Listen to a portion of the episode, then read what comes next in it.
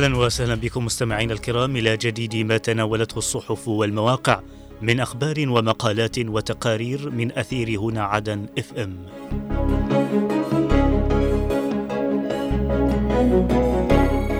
البداية من موقع المجلس الانتقالي ومنه نقرأ الرئيس الزبيدي يستقبل بعثة منتخب الناشئين ويشيد بإنجازها. هيئة الرئاسة تقف أمام التحضيرات النهائية لانعقاد مجلس العموم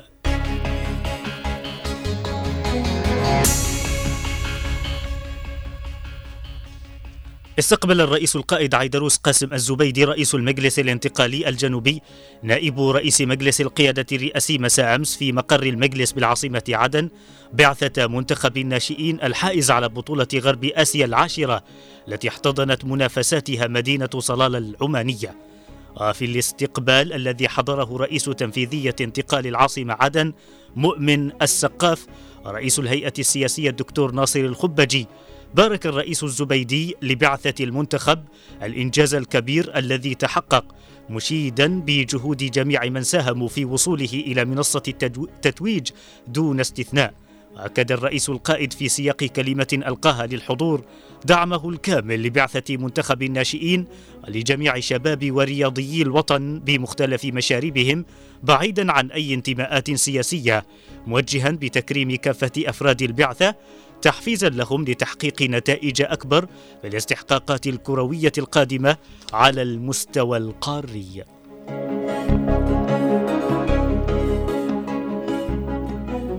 وقفت هيئة رئاسة المجلس الانتقالي الجنوبي خلال اجتماعها الدوري برئاسة الرئيس القائد عيدروس الزبيدي رئيس المجلس أمام التحضيرات النهائية لانعقاد اجتماع مجلس العموم والدورة الأولى للجمعية الوطنية للعام 2024 والاجتماع التأسيسي لمجلس المستشارين والتي ستنطلق أعمالها في الثاني من يناير القادم. واستمعت الهيئة في اجتماعها أمس لإحاطة قدمها رئيس الجمعية الوطنية علي الكثيري. استعرض فيها سير الترتيبات النهائية للاجتماعات المرتقبة والوثائق التي ستتم مناقشتها مشددة على أهمية استكمال كافة الترتيبات لانعقاد المجلس ومنوهة بأهمية الحدث الذي يعد تجربة حديثة تنتهجها رئاسة المجلس الانتقالي نحو تعزيز أسس الديمقراطية وإشراك الجميع في صناعة القرار.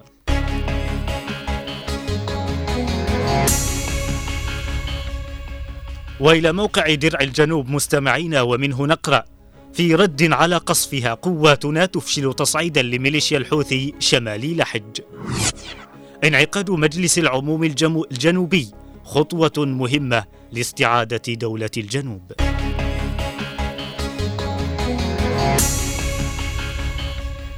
تكبدت ميليشيات الحوثي الإرهابية خسائر بشرية ومادية كبيرة في تجدد المواجهات بجبهة طور الباحة حيفان وعيريم شمال محافظة لحج.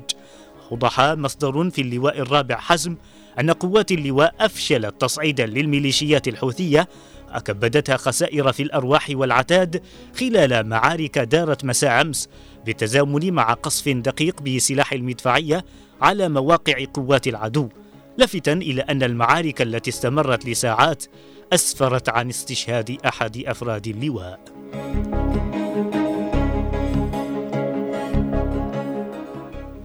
الثاني من يناير من عام 2024 يوم تاريخي يتطلع إليه الجنوبيون منذ سنوات.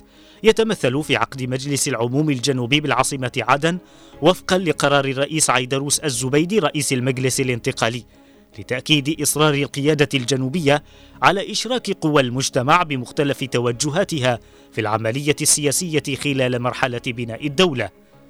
ووفقا لإعلان عدن التاريخي الذي أكد على أهمية إيجاد مرجعية سياسية جنوبية يكون لها الحق في المناقشة والإقرار والرفض لأي حلول تتعلق بالقضايا المصيرية لشعب الجنوب وفي مقدمتها الهوية الجنوبية واستعادة الدولة كاملة السيادة بالإضافة إلى مهام رئيسة أخرى سوف يحددها النظام الأساسي للمجلس.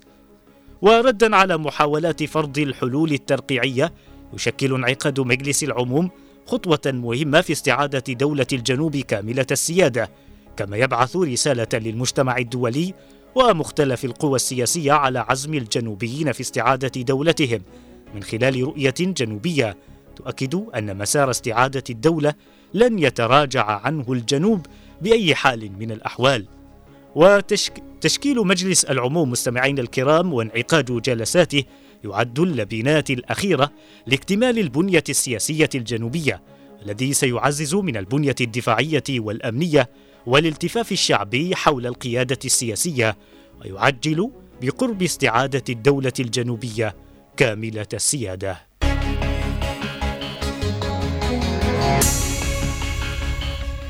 ومن موقع درع الجنوب أيضا نقرأ مقالا كتبه هاني مسهور بعنوان الجنوب العربي في عام الاستقلال الثاني.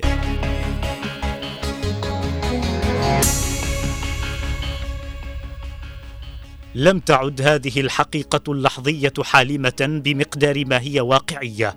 ولذلك فإن السياسيين العرب عليهم النظر إلى ما يحتمله ميلاد الدولة الجنوبية وعليهم أن يفوا لها كما أن على الجنوبيين أنفسهم أن يكونوا أكثر موضوعية مع متطلبات اليوم التالي من الاستقلال الثاني. الجنوبيون وضعوا أرضية وطنية كانت دائما تحت اختبارات صعبة بل ومعقدة للغاية. فالضغوط القاسية فرضت نهجا براغماتيا للتعامل معها بمقتضيات كل مرحلة. تحمل فيها الشعب الجنوبي الثقل الأكبر نظرا إلى الحالة المعيشية التي فرضتها قوى النفوذ اليمنية. والأشد من ذلك كانت الكلفة التي تكبدها الجنوبيون مع استمرار عمليات الاغتيال التي طالت القيادات العسكرية والأمنية والسياسية. وهي سلسلة بدأت من عام 1990 بعد أشهر فقط من التوقيع على الوحدة. ويواصل الكاتب مقالة مشيرا إلى دور الإمارات الداعم للجنوب فيقول اختبار صلابة العقيدة الوطنية الجنوبية ظل مسنودا بحليف استراتيجي إقليمي. كانت فيه دولة الإمارات العربية المتحدة ظهرا قويا مع كل مرحلة. فالتحديات الأمنية شكلت رابطا مشتركا بين أبو ظبي وعدن.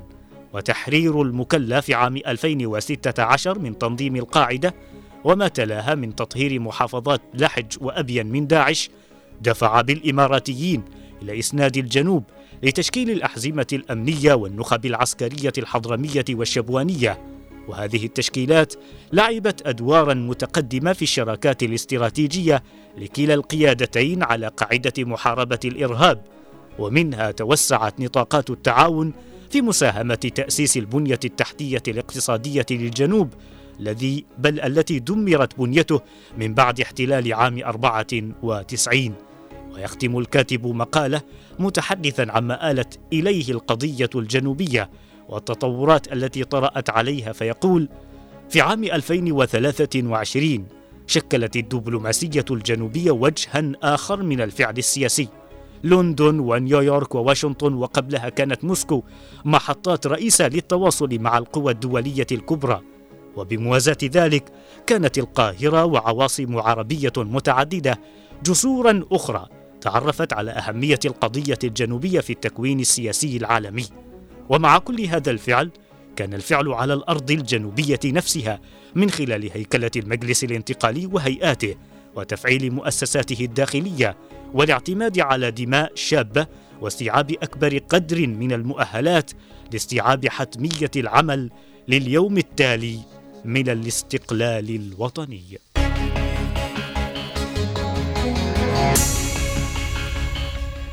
وإلى صحيفة المشهد العربي مستمعين ومنها نقرأ مقالا كتبه الأستاذ فضل الجعدي بعنوان الإسلام السياسي.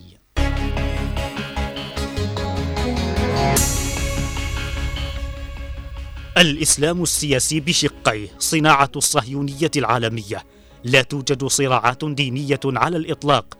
الموجود صراعات سياسية بمسمى عقائدي. وتحت سيطرة وإدارة الصهيونية العالمية والهدف تشويه الوجه الحقيقي للإسلام. لقد استطاعت السياسة الغربية استغلال إرهاب الإسلام السياسي من خلال تطويع أولئك الذين يسعون إلى الحكم الإسلامي باستخدام القوة والعنف وحتى الإرهاب مستغلين الدين في استمالة الجماهير لغايات دنيوية واحتكار السلطة والثروة. وقد أكد عديد من الباحثين في الحركات الإسلامية أن الجماعات الرئيسة التي تتبنى الفكر الجهادي ليس مستبعدا أن تكون مدعومة بشكل أو بآخر من الصهيونية العالمية لتأييد مساعي الغرب في السيطرة على العالم وهي محاربة للإرهاب في إطار سيناريو صنع العدو وملاحقته. ويختم الجعدي مقالة متحدثا عن حزب الإصلاح في اليمن التابع للفكر الإخواني في انتهازيته بالإضافة إلى نهجه التكفيري وما صنعه من خلال فتاواه بالجنوبيين في صيف عام 94 فيقول في اليمن لم يفلح حزب الإصلاح في الخروج من عباءة المحفل الإخواني وعن ديدن التلون والانتهازية وتحين الفرص الذي عرفهم الشارع العربي به خاصة بعد محاولتهم ركوب موجة يدفعها مجداف التحالف في انتهازية مقيتة بعد الانتصارات التي حققها التحالف العربي لقد كان دورهم في حرب عام 94 القذرة واضحا بتجنيد المتشددين من كل البقاع وإصدارهم فتاوى التكفير لاحتلال الجنوب وقبل ذلك قيامهم بعمليات الاغتيالات التي طالت أكثر من 150 من الكوادر الجنوبية العسكرية والأمنية والمدنية.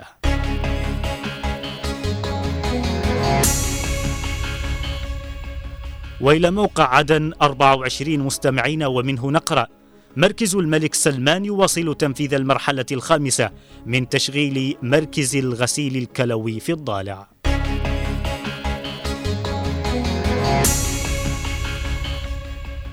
واصل مركز الملك سلمان للإغاثة والأعمال الإنسانية تنفيذ المرحلة الخامسة من مشروع تشغيل مركز الغسيل الكلوي بمحافظة الضالع وتشمل أنشطة المشروع الذي بدأ في السابع من مارس من عام 2023 ويستمر لمدة عامين. تأمين الأدوية ومستهلكات الغسيل الكلوي وتجهيز المركز بثمانية عشر جهازا بالإضافة إلى المعدات الطبية ومواد المختبر والتعاقد مع استشاري متخصص.